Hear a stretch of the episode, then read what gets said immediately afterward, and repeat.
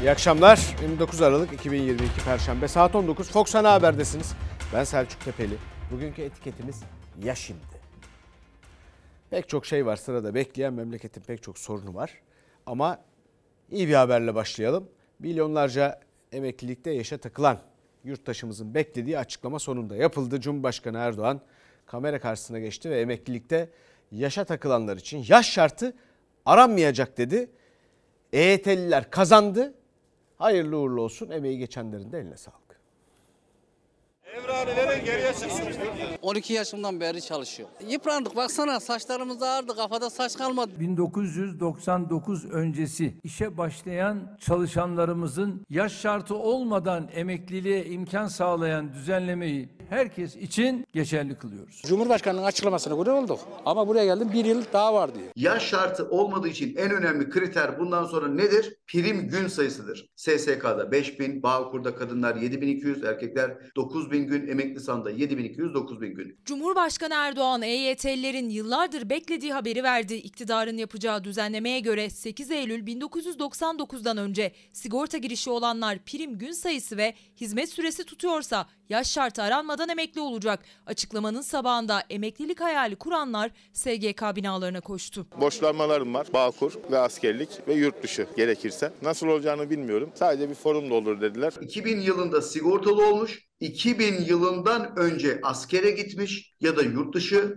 borçlanma hakkı var. 8 Eylül 1999 tarihi ve öncesine çekiyorsa EYT'li olur. Yaklaşık 2 milyon 250 bin vatandaşımız da emekli olma hakkına kavuşuyor. 2 milyon 250 bin kişi içinde 8 Eylül 99 öncesi sigorta girişi olup prim gün sayısı ve hizmet süresi tutanlar dışında borçlanmayla emeklilik hakkından yararlanacak olanlar da var. Örneğin 2000 yılında sigortalı olsa da 8 Eylül 1999 öncesinde askerlik yapanlar askerlik borçlanmasından faydalanabilecek. Kadınlardaysa aynı hak yok. 1999 8 Eylül öncesi sigortalı olan kadınlar o tarihten sonra anne oldularsa prim gün eksiklerini borçlanabiliyorlar. İki tane çocuğum var. Bir tanesinin doğum borçlanması işi çözecek. 6500 civarında prim var. Her halükarda çok şükür olacak. Ne kadar ödeyeceksiniz?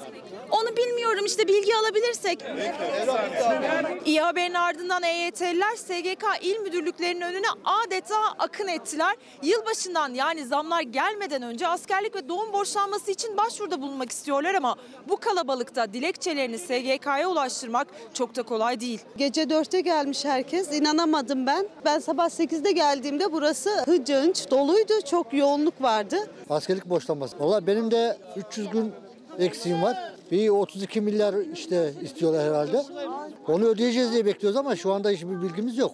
37.500 lira. 18 ay sanırım. Borçlanmayla sigorta girişini 8 Eylül 99 öncesine çekmek isteyenler 2 Ocak pazartesiye kadar başvurularını yaparlarsa bugünkü tarifeden borçlanacaklar. O tarihten sonra başvuranlar %54,6 zamla tarifeden ödemek zorunda kalacaklar. Sosyal Güvenlik Kurumu 24 saat çalışsa da hafta sonu da çalışsa 2 Ocağı kadar bu müracaatları yetiştiremez. Son gün son dakika açıklandığı için birçok kişi mağdur olacak cebinden çok büyük para çıkacak. Çalışmaya devam edecek vatandaşlarımız için sosyal sigorta prim teşviki getiriyoruz. İşverenlerimizin kıdem tazminatı ödemede güçlük çekmemeleri için Hazine ve Maliye Bakanlığımız KGF destekli bir kredi paketini devreye alıyor. EYT düzenlemesiyle istihdam kaybının önüne geçmek için işverene sigorta destek primi verilecek. Kıdem tazminatı için kredi kolaylığı sağlanacak. Cumhurbaşkanı açıkladı ama düzenleme henüz meclise gelmedi.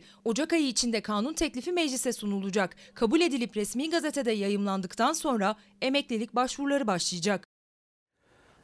Efendim işte buyurun patron sizsiniz derken ne kadar haklı olduğumun bir teyidi, bir örneği daha. İnsan hayatta istediği pek çok şeyi elde edemeyebilir. Hayat böyledir. Fakat istemediği hiçbir şeyi elde edemez. Daha söyleyeceklerimiz var bunlarla ilgili. Şimdi bakalım siyasetteki EYT yankılarına. Ya mübarekler bu soruyu benim gündeme getirmeyin diyoruz Sayın Cumhurbaşkanı. Bana en büyük faydayı sağlayacağını düşünsem bile girmem. Ne oldu girdi. Arkadaşlarıma söylüyorum. Beni bu yola asla teşvik etmeyin. Seçim kaybetsek de yol. Erdoğan seçimi kaybedeceğimi bilsem uygulamam demişti. Seçimi kaybedeceğini biliyor. O da fark ediyor. Emeklilikte yaşa takılanlarla ilgili düzenlemenin siyasette yankıları. Muhalefet Erdoğan'ın EYT için seçimi kaybetsek bile yokum sözlerini hatırlattı. Türkiye seçime giderken Erdoğan EYT'yi müjde olarak açıkladı. Emeklilikte yaşı bekleyenlerle ilgili düzenlemenin müjdesiyle sizlerin huzurundayım. Sayın Erdoğan'ın tüm adımları seçime ayarlı. 30 Nisan'da seçim yapmak için tüm ayarlama, lütuf, taktik hamleler, nafile çabalar tabii ki. Erken emekli olacak. Ondan sonra ne olacak? Gidecek kendine göre başka bir işte de çalışmaya devam edecek. Çift dikiş. 46 yaşında beyefendi emekli oldu. Cumhurbaşkanlığı emekli aylığı alıyor. EYT düzenlemesi bekleyenler meydanlarda, muhalefet kürsülerde meclise yıllardır EYT düzenlemesi için bastırırken Cumhurbaşkanı hep kapıyı kapattı. Onlarca önerge, kanun teklifleri AK Parti MHP oylarıyla reddedildi. Tutturmuş bir EYP, erken emeklilik. İskandinav ülkelerinin hepsi bu sistemle battı. Bizim ülkenin başına da bu erken emekliliği dolayanlar maalesef bunun bedelini ödeyecekler ve ödediler. Ne oldu girdi. Basit bir karar aldılar. Ya sınırını kaldırdı. Sistemin idamesine zarar vermemek ve ülke ekonomisinin üzerine kaldıramayacağı yükler bindirmemek için uzunca bir süre böyle bir düzenlemeye sıcak bakmadık. Cumhurbaşkanı Erdoğan kısa süre öncesine kadar reddettiği düzenlemeyle ilgili bugün neden fikrini değiştirdiğini anlattı. Büyüyen, gelişen, kalkınan Türkiye'nin imkanlarının el verdiğini gördüğümüzde de hemen ilgili kurumlarımıza ve arkadaşlarımıza talimatını vererek çalışmaları başlattık. İşte bize böyle gel Sayın Erdoğan. Siyasi rekabeti dedikoduyla değil, hizmetle yap da kazanan milletimiz olsun. Yapılan düzenleme EYT'li kardeşlerime hayırlı olsun. Sırada emekli maaşlarını asgari ücret düzeyine çıkarmak var. Haydi bakalım bizden önce yap da görelim. Ülkemizin genişleyen ve büyüyen imkanlarını vatandaşlarımızın her kesimiyle paylaşmayı sürdüreceğiz. Sıradaki gündemim otomobilde ÖTV. Sonucu biliyoruz. Beni yorma Recep Tayyip Erdoğan. Milyonlarca emekli Ocak ayı zammının açıklanmasını beklerken İyi Parti lideri Akşener sırada en düşük emekli maaşının asgari ücret seviyesine çıkarılması var diyerek seslendi Erdoğan'a. Kılıçdaroğlu otomobilde ÖTV indirimini hatırlattı. Gözler Cumhurbaşkanı'nda. Şimdi efendim ben bu gibi durumlarda bilirsiniz. Evet işte siyasi nedenlerle seçim var diye yapıldı falan bunlara bakmam. Şu ya da bu nedenle yapılmış olabilir. Beyan esastır. Yapılmış yapılmıştır ve iyi bir şeydir. Dolayısıyla bu memleket bunun tadını çıkartsa iyi olur. Hayrını görsün. O bakımdan da havanda su dövmenin lüzumu yoktur. Onu bir kere söyleyeyim. Öte yandan da bu memleketin ihtiyacı olan bütün bu sosyal güvence denen mekanizmasının çalışması için ihtiyacı olan şey istihdamın arttırılmasıdır. Gerisi yani şu nedenle ya da bu nedenle geri dönüşü olmayan jestler, maddi jestlerden ibarettir. Dolayısıyla döndürülemez. O zaman nedir? İstihdam yaratılması lazım. Cumhurbaşkanı Erdoğan bugün 1 milyon yeni istihdam projesi açıkladı. Lazım olan bu. Fakat kusura bakmayın ama ben o fikri görmüyorum. O yatırımı, o altyapıyı da görmüyorum. Öyle bir siyasi bakış açısı onu da görmüyorum. Dolayısıyla nasıl olacak bilmiyorum. Ekonomimiz işte bu nedenle zaten uluslararası kuruluşlara göre 17. sıradan dünyanın 17. büyük ekonomisi sırasından 2022 itibariyle 20'ye 2023 itibariyle de 22. sıraya düşüyor. Sürdürülebilir olan budur. Ama vatandaş haklıdır. Patrondur bu ülkenin seçmeni. istediğini alır. Veren siyasetçi de doğru yapmıştır. Onun geri kalanı siyasetçinin iktidarda olanın yaratıcılığına kalır. Ne kadar iyi çalıştığına kalır. Ekonomiyi ne kadar doğru insanların faydasına, o ülkenin vatandaşlarının faydasına ve ilan ettiği planı şeffaf bir biçimde uygulayıp disipline uyup uymamasına bağlıdır. Ama ben onu pek görmüyorum doğrusunu isterseniz. Umarım öyle olur. Bakacağız bakalım. Bu arada tabii Gönül Boran Özüpek. Gözüpak. Özüpak özür dilerim. Gönül Boran Özüpak. Yavaşça ezberleyeceğiz. EYT Federasyonu Başkanı. Bu işlerle çok uğraştı. Gönül ferman dinlemedi.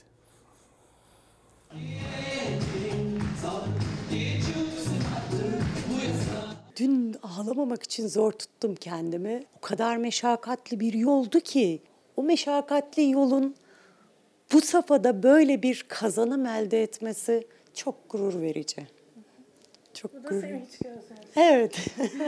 Sevinçten aktı gözyaşları. Yıllardır milyonlara umut oldu. Direndi, mücadeleden hiç vazgeçmedi. EYT Federasyonu Başkanı Gönül Boran Özüpak haklı zaferinin gururunu yaşıyor. O abim benim e, ellerime sarılıp da yere kadar öpme gayreti içerisine girdi. Çok da etkileniyorum yani bundan. Dedim yani umut olduğun insanları yarı yolda bırakma. Böyle güzel anılar da bıraktı. Ağlattın beni vallahi. Allah ben de ağladım. Takvimler 8 Eylül 1999'u gösteriyordu. Yasa değişikliğiyle emekliliklerine günler ya da aylar kala yaşa takıldı milyonlar. Emeklilik hayalleri yıllar sonrasına ötelendi. Onlardan biri de Gönül Boran Özüpak'tı. Bu haksızlığa dur demek için harekete geçti. Burada Gönül Boran Özüpak tek başına hiçbir şey, birlikte her şey olduğumuz kitlemizin, örgütlenmiş topluluğumuzun varoluşu çok ama çok büyük önem arz ediyordu. Sosyal medyada bir grup çatısı altında toplanmaya başladı EYT'liler. 2015'te Özüpak dernekleşme kararı aldı. Üye sayıları günden güne arttı. 2018'de Fox Haber'e verdiği ilk röportajındaki kararlılığını hiç kaybetmedi. Umutla meclisin açılmasını bekliyoruz. Erken emeklilik değil, hakkımız olanı istiyoruz diyerek ilk olarak sosyal medyada örgütlenen EYT'liler 2018 yılında İstanbul'da Perpa Ticaret Merkezi'nde bu 25 metrekarelik ofiste dernek çatısı altında buluştular. Şimdi o dernekler Türkiye'nin 20 iline yayıldı ve artık federasyon çatısı altında faaliyetlerini sürdürüyorlar. O gün inancınız var mıydı? Hiç kaybetmedim. O kadar bir inançla bu yola girdim ki bilmiyorum yani yüreğimden söküp atamadım, zihnimden söküp atamadım. O tarihten sonra meclis defalarca açıldı. EYT düzenlemesi ise her seçim öncesi gündeme geldi ama vaatte kaldı. Meydanlar Gönül Boran Özüpak öncülüğünde defalarca doldu taştı. Erken emekli olacak. Ondan sonra ne olacak? Gidecek kendine göre başka bir işte de çalışmaya devam edecek. Çift dikiş. Üzücü çok durumlar oldu, yıpratıcı çok süreçler oldu. Hükümetten gelen en üzücü açıklama çift dikiş açıklamasıydı. Israrla taleplerinin ne olduğunu anlatmaya çalıştı Gönül Boran Özüpak. Hem onun hem de milyonlarca EYT'linin sesi sonunda duyuldu. Omuz omuza vermenin önemini hatırladı Türkiye. Ancak yol bitmedi. Özüpak başta düşük emekli maaşları ve yüksek emeklilik yaşı olmak üzere mücadeleye devam diyor. Yarın hiç belli olmaz. ABO'yu da değiştireceğiz, stajı da kazandıracağız ve geleceğimiz olan çocuklarımızın bugün 65 yaşla özellikle 2008 sonrası işe girenler e, gençlerimiz için ben kendi çocuğumdan örnek vereyim. Ben o yaşa kadar yaşayacak mıyım anne diyor. O misyonu üstlenmiş biriyim. Gönül Boran Özüpak. Şimdi biliyorsunuz bir emekli sen var diske bağlı. Belki onu güçlendirmek için, belki de yeni bir sendika için girişimde bulunabilir.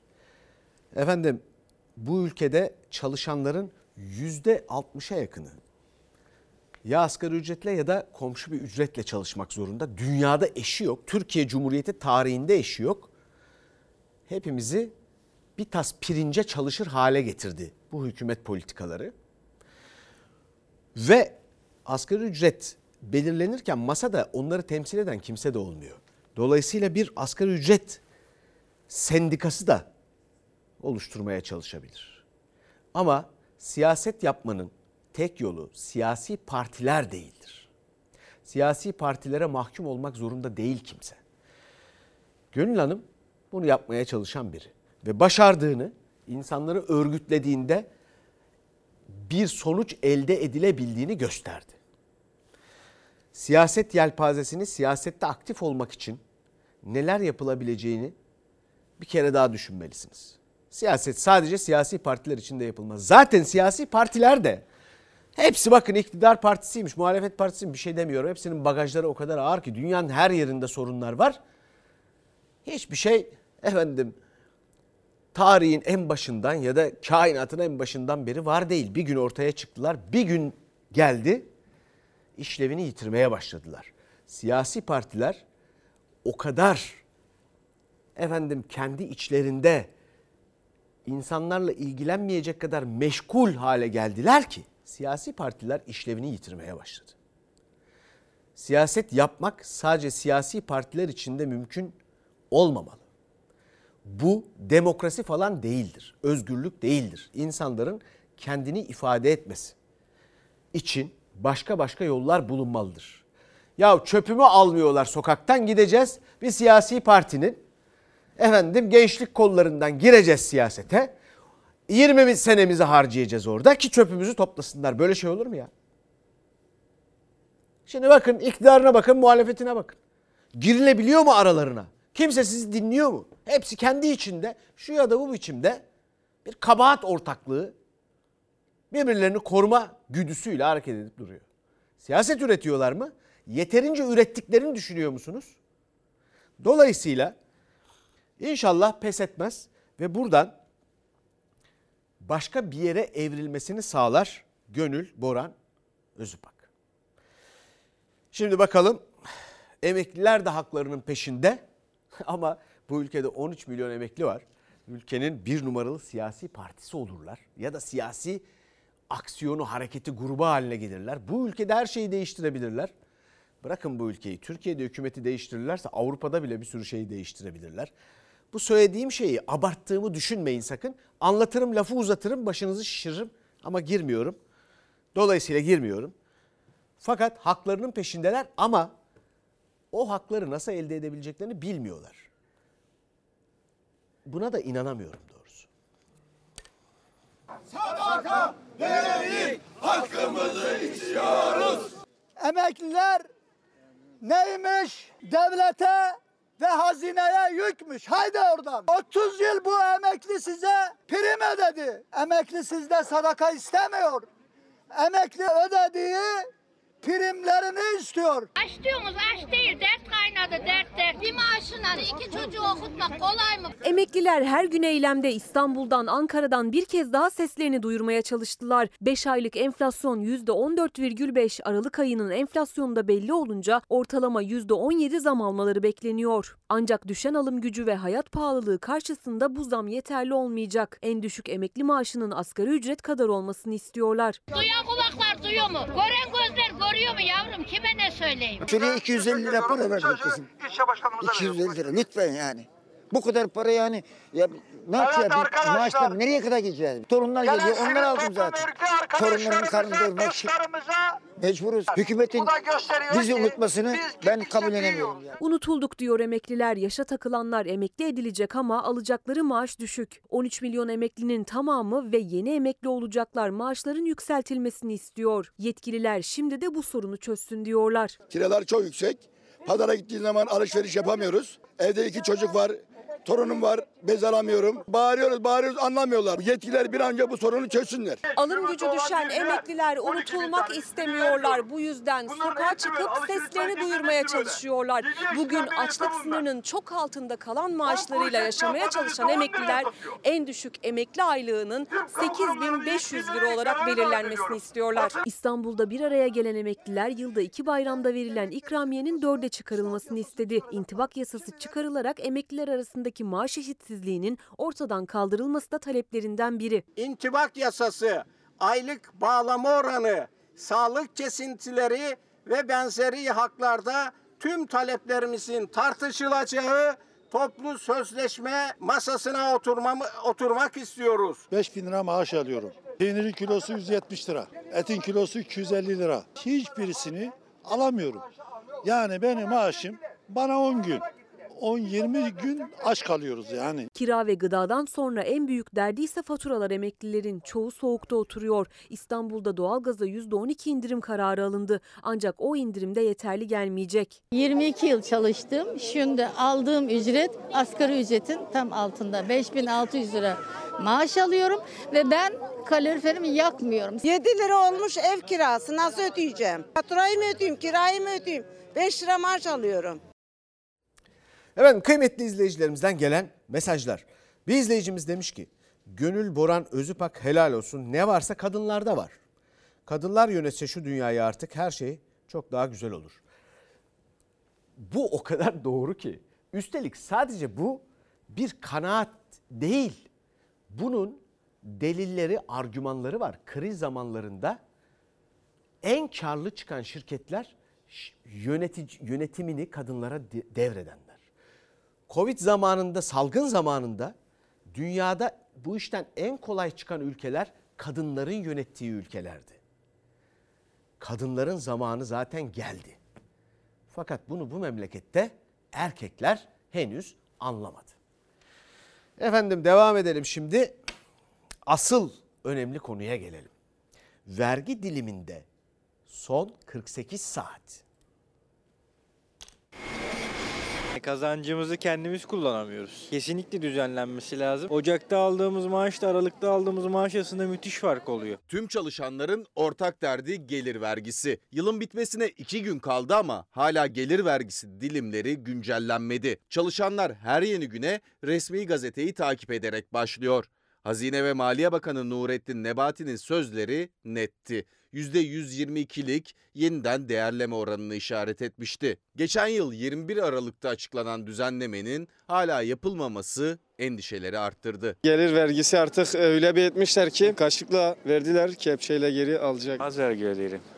Yani aldığımız paranın yarısı vergiye gidiyor zaten bize ne kalıyor ki? Vergi dilimleriyle ilgili çok net olarak söyleyeyim. %122,9 yeniden değerleme var. Nebati'nin söz verdiği gibi olursa ilk dilim 70 bin liraya yükseliyor. Bir de Erdoğan'ın kullanabileceği yetki var. O durumda ilk dilimin sınırı 105 bin liraya çıkıyor. Vergi dilimlerinin sınırı ne kadar yükseltilirse çalışanlar o kadar geç bir üst dilime geçiyor. Yani daha az vergi ödüyor. O yüzden de gözler güncellemede. Bu asgari ücretten daha önemli. Asgari ücret 7 milyonu ilgilendiriyor. Bu 17 milyonu ilgilendiriyor. Vergiyle ilgili adil bir çözüme ihtiyaç var. Daha az ödemek isterim çünkü her şeyden şu an vergi kesiliyor. Milyonlarca çalışan maaşlarından daha az vergi kesilmesi umuduyla gelir vergisinde yapılacak düzenlemeyi bekliyor. Memurların beklentisi ise sabit oranlı bir gelir vergisi düzenlemesi. Vergi matrahları konusunda huzursuzluğumuz var. Verginin %15'e sabitlenmesi ve vergi matrahlarının yükseltilmesi bekliyoruz. Maaş artışı yapılıyor ama vergi dilimleri var. %15, %20, %27 vergi dilimleri var. İktidar ne yazık ki enflasyon oranında bile vergi dilimlerini arttırmıyor. Kaşıkla verdikleri zammın vergi kepçesiyle geri almasına karşıyız. Çalışma Bakanı %15 ile başlayıp %40'a kadar çıkan vergi oranları için Hazine Bakanlığı'nın çalışma yaptığını duyurmuştu. Ancak o çalışma için yasa gerekiyor. Milyonlarca çalışansa o düzenlemelerden önce vergi dilimlerinin güncellenmesini bekliyor. Neden hala açıklanmadığını merak ediyorlar. Eğitimciler de bu taleple ses yükseltti. Eğitim çalışanları ne yazık ki 10 6. ayında %20 vergi dilimine, 10. 11. 12. ayda da %27 vergi dilimine girmiş durumda. Bu memlekette kuyumcunun vermediği, müteahhitin vermediği vergiyi ne yazık ki eğitim çalışanları vermek durumunda kalıyor. Vergi dilimi? Vergi dilimi mi? Bunu bir yerden hatırladınız değil mi? EYT, EYT mi?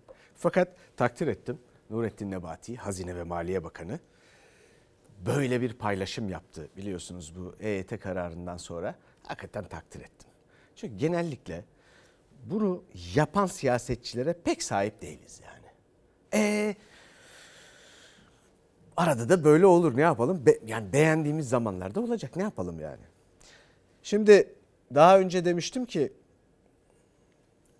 biliyorsunuz bir rakip çıkmıştı bir törende Diren Nebati demiştik. Ondan sonra o etiket hashtag olmuştu. Şimdi de bu vergi dilimi konusunda direnme nebati diye bir hashtag açılsa güzel olur. Neden? Bakın bu çalışanlar için 17 milyon çalışanı ilgilendiriyor. Emin olun bir promosyon almışsınız kadar önemlidir. haksız yere cebinizden sırf vergi dilimleri adil belirlenmediği için çaktırmadan o kadar para alınıyor. Ve son 48 saat 31 Aralık'ta o geceye kadar resmi gazetede yayınlanması gerekiyor. Durun bakalım böyle bir karambole mi gelecek diye bekliyorlar galiba ama iktidar bence buna müsaade etmemelisiniz. Patron sizsiniz.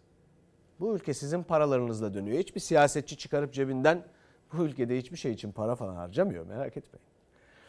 Hatta onlar sizin paralarınızla zengin oluyorlar. Bir servet dökümü yapsınlar da görelim bakalım oluyorlar mı olmuyorlar mı? Efendim EYT'den sonra şimdi bir de işsizlik maaşı meselesi var ve aynı zamanda EYT'liler şimdi emekli olurlarsa işsizlere umut olacak mı diye de bir bekleyiş var. İş için geldim. Yani ben 62 yaşındayım ama ben alsalar çalışacağım ben yani. Benim eşim emekli. Yani biz zor durumdayız. Yani hepsi bu cümlenin içinde biz zor durumdayız. Ama bunu kim anlayacak? Hani iş? Ne işi? Aynı cümlenin içine birden fazla geçim sıkıntısı sığdırıyor. O işsiz, eşi ise emekli. 62 yaşında işkur kapısında. Yıla takıldığı için EYT'den de yararlanamıyor. 3 çocuğu için iş bulup çalışmak zorunda. 3 tane çocuğum var. Bir yaşım atın şimdi iş arıyorum yani. Evde ocak yanacak ben yemek yapacağım. Çalışsan da şimdi yetmiyor da ayrı bir mesele. EYT'liler bana vurmadıktan sonra ne yapayım ben? Ben 62 yaşındayım. Başlangıcım var 2005'te. E bana vurmuyor. Emekliler yani emekli olduktan sonra insanların e, gençlerin artık ön açılacak gibi duruyor bu noktada ama e, işsizlik oranı çok fazla Türkiye'de. İşsizlerin gözü EYT'lilerden boşalacak iş imkanında. Ancak TÜİK'e göre 3 milyon 534 bin işsiz var. Emekli edilecek EYT'lilerin tamamının sayısı ise 2 milyon 250 bin. Üstelik çoğuna bağlanacak aylık en düşük emekli maaşı olan 3500 lira. Bir öğretmen adayım yani e, mezun oldum. Atanamayan bir öğretmenim. Ya belki bunun için bir iyi olmuş olabilir ama ben yine çalışmaya devam edeceklerini düşünüyorum emeklilerin. Çünkü aldıkları maaş emeklilerin 3,5 bin lira gibi bir maaş. Bu da Türkiye şartlarında şu an yeterli olmayacağı için ister istemez yine e, mesleğe devam ediyorlar. Eğer boşalırsa genç nüfus iş iş bulur yani iyi olur yani. 4-5 ay önce bir ailemi kaybettim trafik kazasında. O zamandan beri işsizim. O zaman kendi işimiz vardı babamla beraber işlettiğimiz. O da öyle kapandı. Dün işten ayrıldım. Bugün başvuru yapacağım maaşı için. Yani iş bulana kadar artık ne zaman bulduysak iş. Kimi aylardır işsiz, kimi yeni işsiz kaldı. Yeni yılda en düşüğü 3972 lira olacak işsizlik maaşı için işkurun kapısını çalıyorlar. Asgari ücrete gelen artışla birlikte işsizlik maaşı da arttı. 2023 yılında en düşük işsizlik maaşı 3972 lira olacak. Ancak işsizlik maaşını alabilmekte, bu parayla geçinebilmekte zor. Bu yüzden işsizler işkurda iş arayışında. Yani nasıl yetecek ki? Bugünün şartlarına göre nasıl yetecek yani? Hani 2500 lira neyine yetecek? Bir doğalgaza dediğim gibi 2000 lira veriyoruz. Elektriğe 3 lira, suya, suya 400 lira. Gel geçin nasıl geçinecek? İşsizlik maaşı yetersiz. Gözler EYT'lilerden ne kadar iş alanı açılacağında. Benim hayatımı devam ettirmemi sağlayacak bir ücret değil. E, o yüzden e, mutlaka başka bir işte çalışmak gerekiyor yani. Efendim kıymetli izleyicilerimizden gelen mesajlar. 3600 ek gösterge unutulmasın diyen bir izleyicimiz var. Pek çok izleyicimiz var. Efendim onun yanında staj SSK başlangıcı olsun diyen artık bunu yıllardır söyleyen izleyicilerimizden size bir mesaj paylaşalım. Onun dışında pek çok atanmak isteyen, atanmayı bekleyen binlerce, yüz binlerce insanımız var. Fakat bütün bunların elbette olması bana kalırsa siyasetteki bu yaratıcılık seviyesiyle mümkün değil. İnşallah hepsi olur ama olması bence mümkün değil. Bambaşka bir siyaset seviyesine çıkılması lazım. Eğer çıkılırsa bu ülke su içinde bugünkünden 4 kat daha zengin olur. 2 trilyon dolarlık ülkedir. Bunun için yapılacak plan açıkça ortaya konursa ki çok da uzun boylu bir şey değildir. Herkesin anlayacağı bir şekilde, bir şekilde anlatılabilir. Bunun paylaşıldığı andan itibaren ona uyacağı sözünü hükümet verir ve bu güven kazanırsa bir hükümet. Şimdiki de olabilir başka bir hükümette. 24 saatte bu ülkede o kadar çok şey değişir ki inanamazsınız. Şimdi geçelim siyasete. Efendim Ekrem İmamoğlu ile ilgili verilen karar, onunla ilgili bir bugün gerçekleşen bir yeni gelişme son dakika durumu da var. Onu da paylaşacağız. Cumhuriyet Halk Partisi Genel Başkanı Kemal Kılıçdaroğlu dedi ki atanmış yargıçlarla gidecekse yani Ekrem İmamoğlu bunun adı darbedir.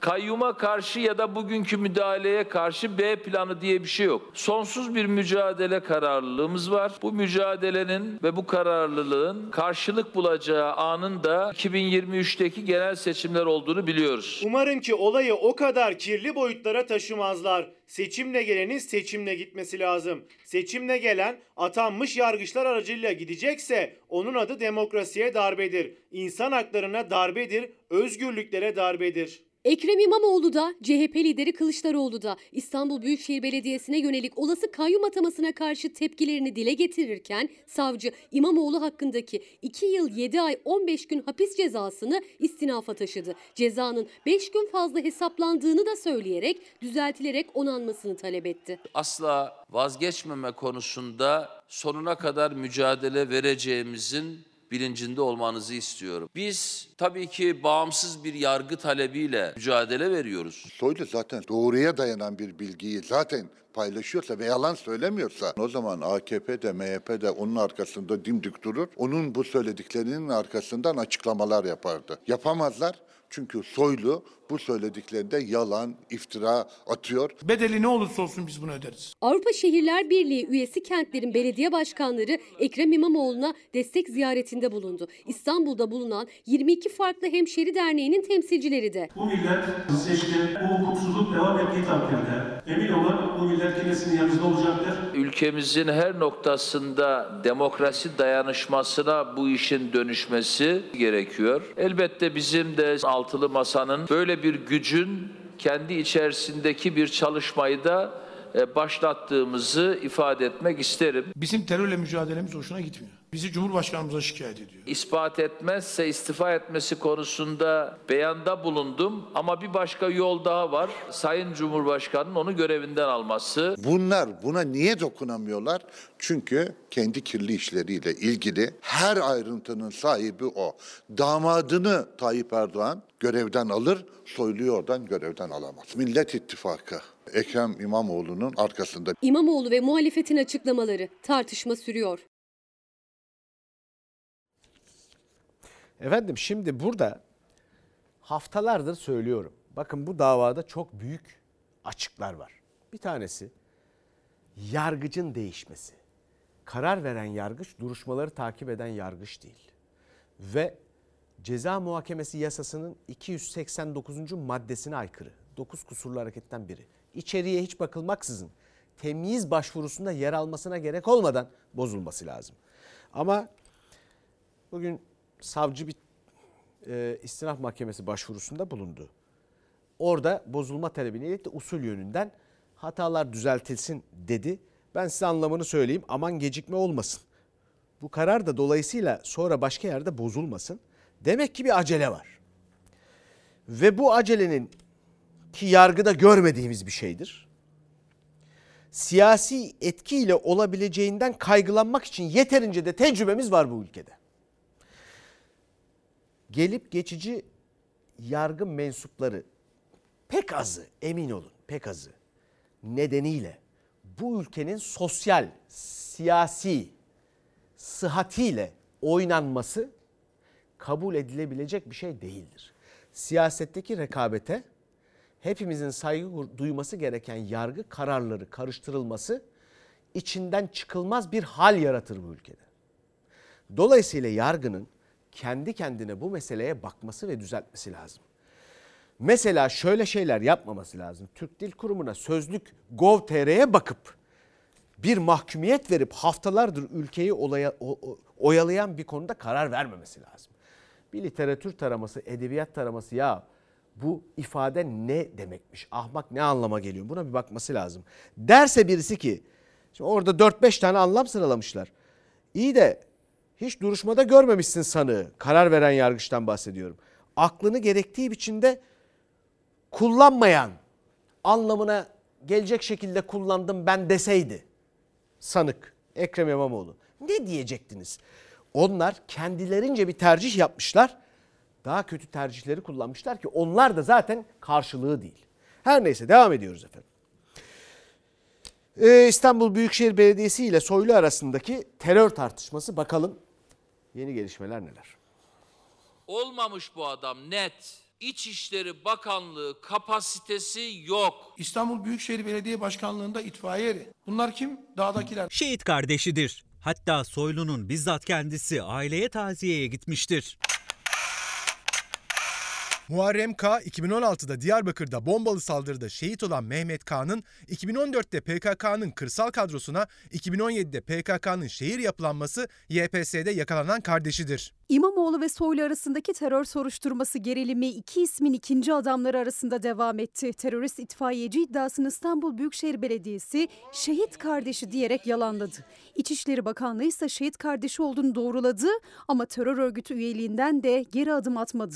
Şehit babası ise çok değil iki ay önce İçişleri Bakanı Soylu ile aynı karedeydi. Cümlelerinizi anlamakta zorlandık. Konu şu mu? Şehit kardeşi ama kendisi PKK'lı ve Soylu PKK'lının evini ziyaret ediyor. Senin de anlayacağın şekilde yazayım. Sayın Soylu şehit evini ziyaret ediyor ama siz kardeşi bombalı saldırıyla şehit edildikten sonra bile PKK-YPS yapılanmasına giren teröristi işe alıyorsunuz. Kurt kuzuyu yemek isteyince kendisi suyun yukarısında da olsa suyumu bulandırdın diyerek bahane ararmış. Kuzu değiliz. 16 Ağustos 2016'da Diyarbakır'da Trafik Müdürlüğü'ne düzenlenen bombalı saldırıda 5 polis şehit olurken teknisyen yardımcısı Mehmet K. da şehit düştü. Kardeşi Muharrem K. şehit yakını olarak itfaiye eri oldu İBB'de. İçişleri Bakanı Soylu'nun müfettiş raporundan tek tek okuduğu isimler arasında o da vardı. Terör örgütlerine kim katılmış? Onların akrabaları kimdir? Belediye bunu bilmez. Elimde imkan olsa ihraç ederdim. Hiç kimseye bakmazdım. Allah aşkına. Güvenlikten sorumlu bir bakan. Bakan Soylu'nun terörist iddiasıyla adını açıkladığı isim şehit kardeşi çıktı. İmamoğlu'nun danışmanı Murat Ongun şehit babasıyla çekilen fotoğrafını da paylaştı Soylu'nun. Fotoğraf 22 Ekim 2022'de çekilmişti. Soylu'nun Diyarbakır Kocaköy gezisinden. Şehit babası o gün Soylu'nun hep yanındaydı. Ne güzel. HDPKK ile anlaşılsın. Biz de aval aval bakalım. O zaman ahmak oluruz. Herkesi aptal sanıyor. Sayın Cumhurbaşkanı bizim bildiklerimizin sizin bildiklerinizin yanında da esamesi okunmaz. İçişleri Bakanı Yardımcısı Mehmet Ersoy, Muharrem Kağan'ın şehit kardeşi olduğunu Soylu'nun taziyesinde doğruladı ama şehit kardeşi olmasına rağmen PKK'nın kırsal ve şehir kadrosundan diyerek iddialarını sürdürdü. Murat Ongun ise yıllardır neden işlem yapılmadı diye sordu. 8 yıldır her şeyi biliyorsunuz ama bu kişiye işlem yapmayıp tweet atıyorsunuz. Öyle mi? Biz gideriz bizim yerimize başka Ahmetler, başka Mehmetler gelir. Ama bedeli ne olursa olsun biz bunu öderiz. Sana tavsiyem pılını pırtını topla ceketini al evine git. Efendim İçişleri Bakan Yardımcısı İsmail Çataklı. Onunla ilgili iddialar derinleşiyor. Yaklaşık 6-7 yıldır veya 8 yıldır kardeşiyle konuşuyor. Gelir ifadesini verir. Verirse verir, vermezse vermez. Gelir gelmez. Fransa'daki kardeşin geçen sene Çankırı'ya gelip kendi köyünde 10-15 gün oralarda olduğunu söylüyorlar. Yılbaşı iznine geldi. Savcılığa ifadesini verdi. Size yazıklar olsun. Köstebek Özgür. FETÖ firarisi kardeşin ben söylemesem ifade bile vermeyecekti. Siz hani konuşmuyordunuz, hani küstünüz, hani haberin bile yoktu. Köstebeğin de adını öğreneceksin ama şimdi değil. Kardeşi hakkında FETÖ ihbarı olduğunu Özgür Özel'den öğrendiğini söyleyen İçişleri Bakan Yardımcısı İsmail Çataklı yeni açıklama yaptı. Bir kardeşinin yılbaşı iznine gelip ifade verdiğini söyledi. Özgür Özel hani haberin yoktu diye sordu. Çataklı'dan ikinci kardeşine ilişkin açıklama yok. Fransa'da yaşayan 6 kardeşi için İsmail Bey'i yargılayalım mı? Peki Süleyman Soylu siz OHAL döneminde hakkında ihbar var diye binlerce on binlerce kişiyi kamudan ihraç etmediniz mi? O halde mahkeme mi vardı? Mahkemeye gitmek, hak aramak mı vardı? Eğer ihbarla olmuyorsa o uygulamalar nasıl oluyor? Eğer ihbarla oluyorsa Çataklı bundan nasıl muaf tutuluyor? Ailevi bir durum var. Muhalefete gelince gece yarısı 2'de evinden al. İsmail Çataklı'ya gelince kardeşi gelir ifadesini verir öyle mi? İhbar ve soruşturma 2019. İfade zamanında vermediği için arama kaydı çıkmış. Hakkında yakalama kararı varsa Recep Tayyip Erdoğan firari FETÖ'cülerden bahsedip bunların Türkiye'ye iadesini talep ediyorsa İsmail Çataklı'nın Kardeşinin iadesinin talebi için Interpol'e bir başvuruda bulundunuz mu? Kırmızı bülten istediniz mi? İftira ediyorsun, yalan söylüyorsun. Böyle terörde arananlar listesinde falan yok. İçişleri Bakanı Soylu, yardımcısı Çataklı'nın kardeşi hakkında arama kararı var demişti. Çataklı arananlar listesinde değil dedi. Yeni açıklamalarla FETÖ tartışması büyürken yeni bir iddia da gündemde Çataklı ile ilgili. İsmail Çataklı ile ilgili HSK suç duyurusunda bulunmasına rağmen İsmail Çataklı gerek yoktur diyerek cevap yazıyor HSK'ye. Çataklı 2003-2004 yıllarında Diyarbakır Çermik'te kaymakamken iddiaya göre FETÖ üyesi bir hakim dönemin Cumhuriyet Başsavcısını asılsız iddiayla suçladı. Başsavcı ilçeden gönderildi. O başsavcı hakkındaki suçlamalardan beraat etti ve görevden alınmasına dahil olduğu iddiasıyla dönemin kaymakamı Çataklı'dan da şikayetçi oldu. HSK İçişleri Bakanlığı'ndan soruşturma izni istedi. Ancak o sırada bakanlığın teftiş kurulu başkan yardımcılığında Çataklı oturuyordu. Kendisi hakkındaki talebe soruşturmaya gerek yoktur yanıtı verdiği iddia ediliyor. Kaymakam adayı olduğu dönemde 55 kişi kaymakam adayı oluyor. 15'i FETÖ'den ihraç ediliyor. Ve İsmail Çataklı'nın aslında 16. isim olup olmadığının da eline boyuna araştırılması lazım. Şimdi efendim kendisi hakkında HSK yani İsmail Çataklı hakkında bir soruşturma izni istiyor. Kimden? Kendisinden istemek zorunda çünkü yetkili makam o. Ya sistem böyle olur mu? Bu nasıl sistem ya? Kendisine soruşturma izni vermemiş. İddia o. Peki bu yetkiyi ona kim vermiş? Efendim bu devletin sistemi içinde iyilere, liyakatlilere yer bulmak zorlaşıyor. İşte sorun da burada ortaya çıkıyor. Şimdi gidelim bakalım meşhur ahlatlı bel zirvesine. Ne olduğunu merak ediyorsunuz değil mi? Anladınız. Kırgınlık yokmuş.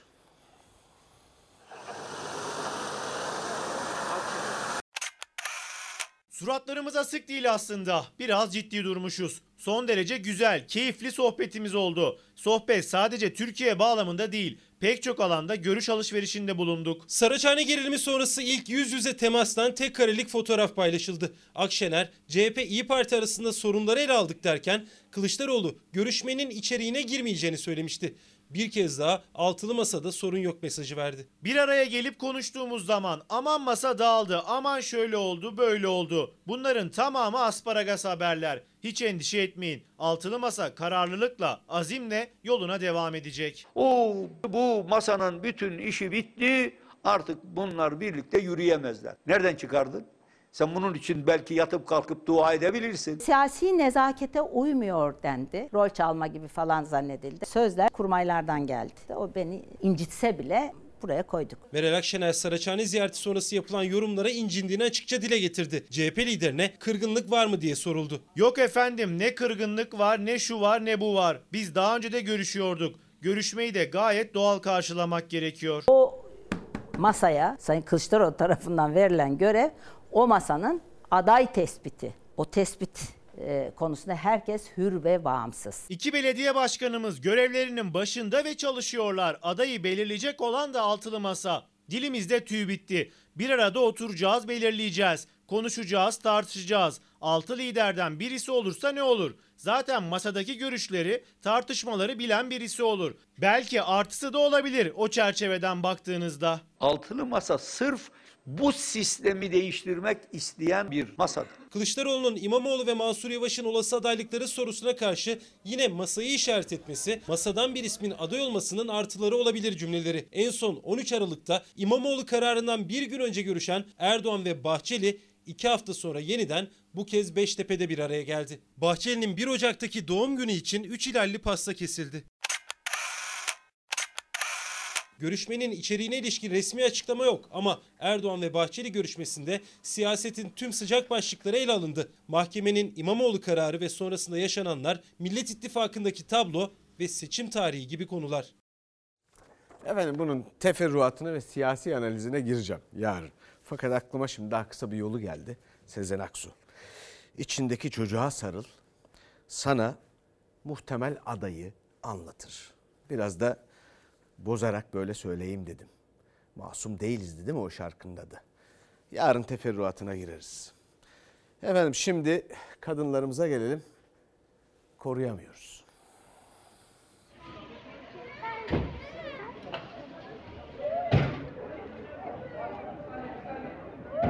Alamadım çocuğumu yetişemedi.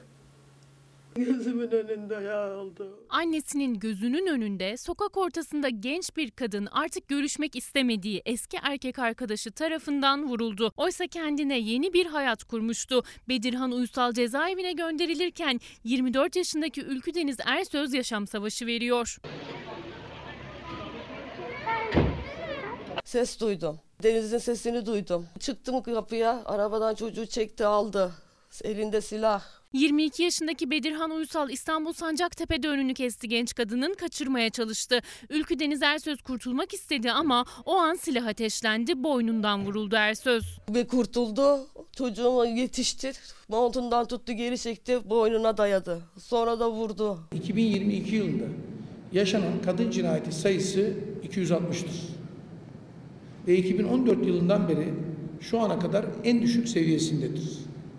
Bu azalışı nüfusumuz yaklaşık %9.4 artmışken elde ettik. bir kadın cinayeti bile fazla ve bunu sıfıra indirmekle sorumlu olan mercilerin böyle paylaşımlar yapıyor olmasını elbette ki hiç doğru bulmuyoruz ve kınıyoruz. İçişleri Bakanı'nın birer sayı olarak gördüğü kadın cinayetlerinin kadına şiddetin önüne geçilemiyor. Saldırıdan sonra kaçan Bedirhan Uysal yakalanarak cezaevine gönderildi. Acılı aile en yüksek cezayı almasını istiyor. Ülkü Deniz Ersöz'ün sağlık durumu ise ciddiyetini koruyor. Sağlık durumu çok kritik. Beyinde ödem oluşmaya başladı. Yaktılar ya kızımı, yaktılar. Şimdi bir reklam aramız var. Sonra bir dakika bölümünde beraberiz. Efendim şimdi bu Ekrem İmamoğlu kararıyla ilgili söylediklerim konusunda tereddüde düşenler var. Niye tekrar ettiğimi soranlar da var. Selçuk Tepeli yazdığınız zaman, yanına da LinkedIn yazdığınız zaman benim aldığım eğitimi, çok ağır bir eğitimden geçtim ben ama burada onlardan bahsetmek istemem. Hiç de bahsetmiyorum zaten. Bir bakın hukuk konusu, hukuk felsefesi konusu filan. Ondan sonra Tekrar bunların üzerinde konuşuruz. Yarın görüşmek üzere iyi akşamlar. Bir başkadır benim memleketim. Lay lay lay lay lay lay lay la la la lay lay la la lay la la la lay lay lay lay lay lay lay lay